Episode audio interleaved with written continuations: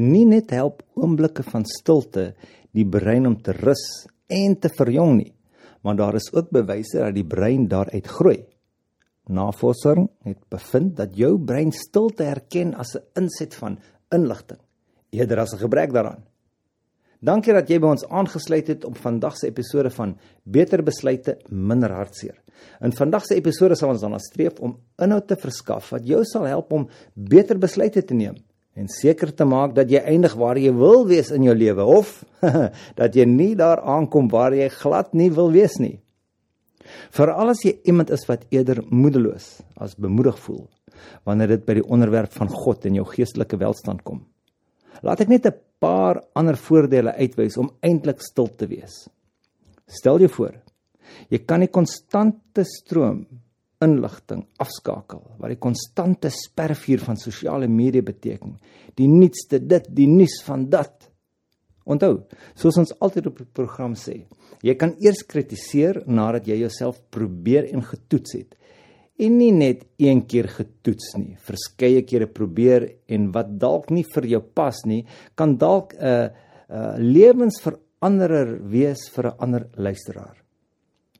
Stilte kan 'n resies gedagtes kalmeer. Wetren gedagtes is 'n kenmerk van angs. Stilte lyk dalk soos 'n wye oop ruimte vir meer negatiewe gedagtes om te vul, maar dit hoef glad nie so te wees nie. In plaas daarvan is dit moontlik om stilte toe te laat om geestelike stilte te bring. Om te leer om stil te word, help ons om nie onnodige energie te spandeer en eindelose deel te neem aan die hamsterwiel van gedagtes in ons kop. Uiteindelik kan geestelike stilte 'n poort tot bewustheid word wat bewese voordele vir kalmerende gedagtes skep. In stilte kan ons stadiger ry, tyd neem om die dinge rondom ons waar te neem en net om te wees. Dit help ons om aandag te gee en teenwoordig te wees op die oomblik, wat dit ook al is wat ons toevallig doen. Geesgelei beteken om na die Heilige Gees te luister en sy aanwysings te gehoorsaam, sodat jy die wil van God op aarde kan uitvul.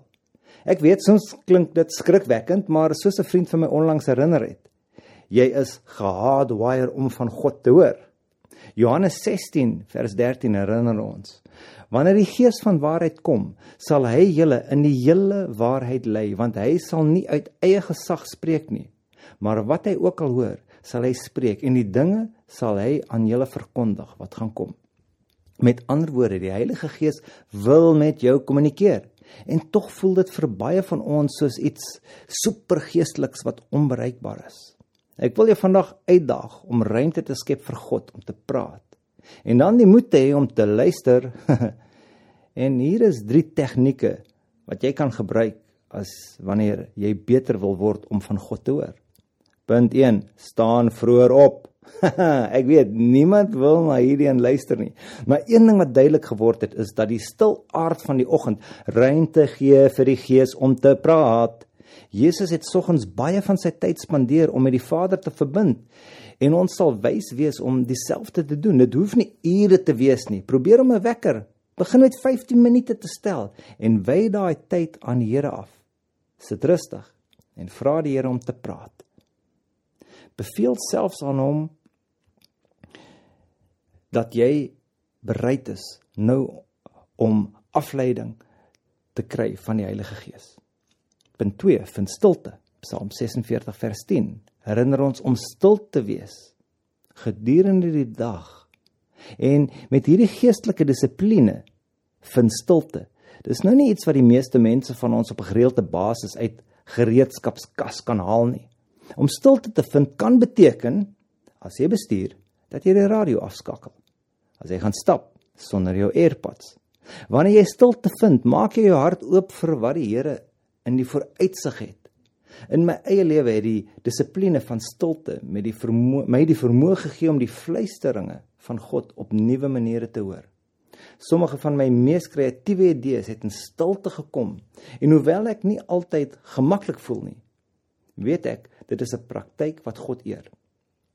Punt Skryf geestestoetjies neer om ruimte vir die gees te skep is 'n geestelike praktyk. Hoe meer jy oefen, hoe meer sal jy in pas wees met die verskil tussen jou stem en die stem van die Here.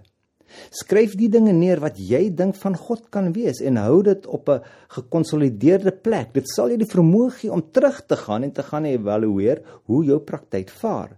Dit hoef nie die mees welsprekende noot te wees wat jy nog ooit geskryf het nie. Net 'n paar reëls sodat jy kan onthou wat jy gedink het God vir jou gesê het. Habakuk 2 vers 2 herinner ons om die visioen duidelik neer te skryf sodat die aankondigers daarmee kan hardloop. Dink hieraan as jy 'n weergawe daarvan.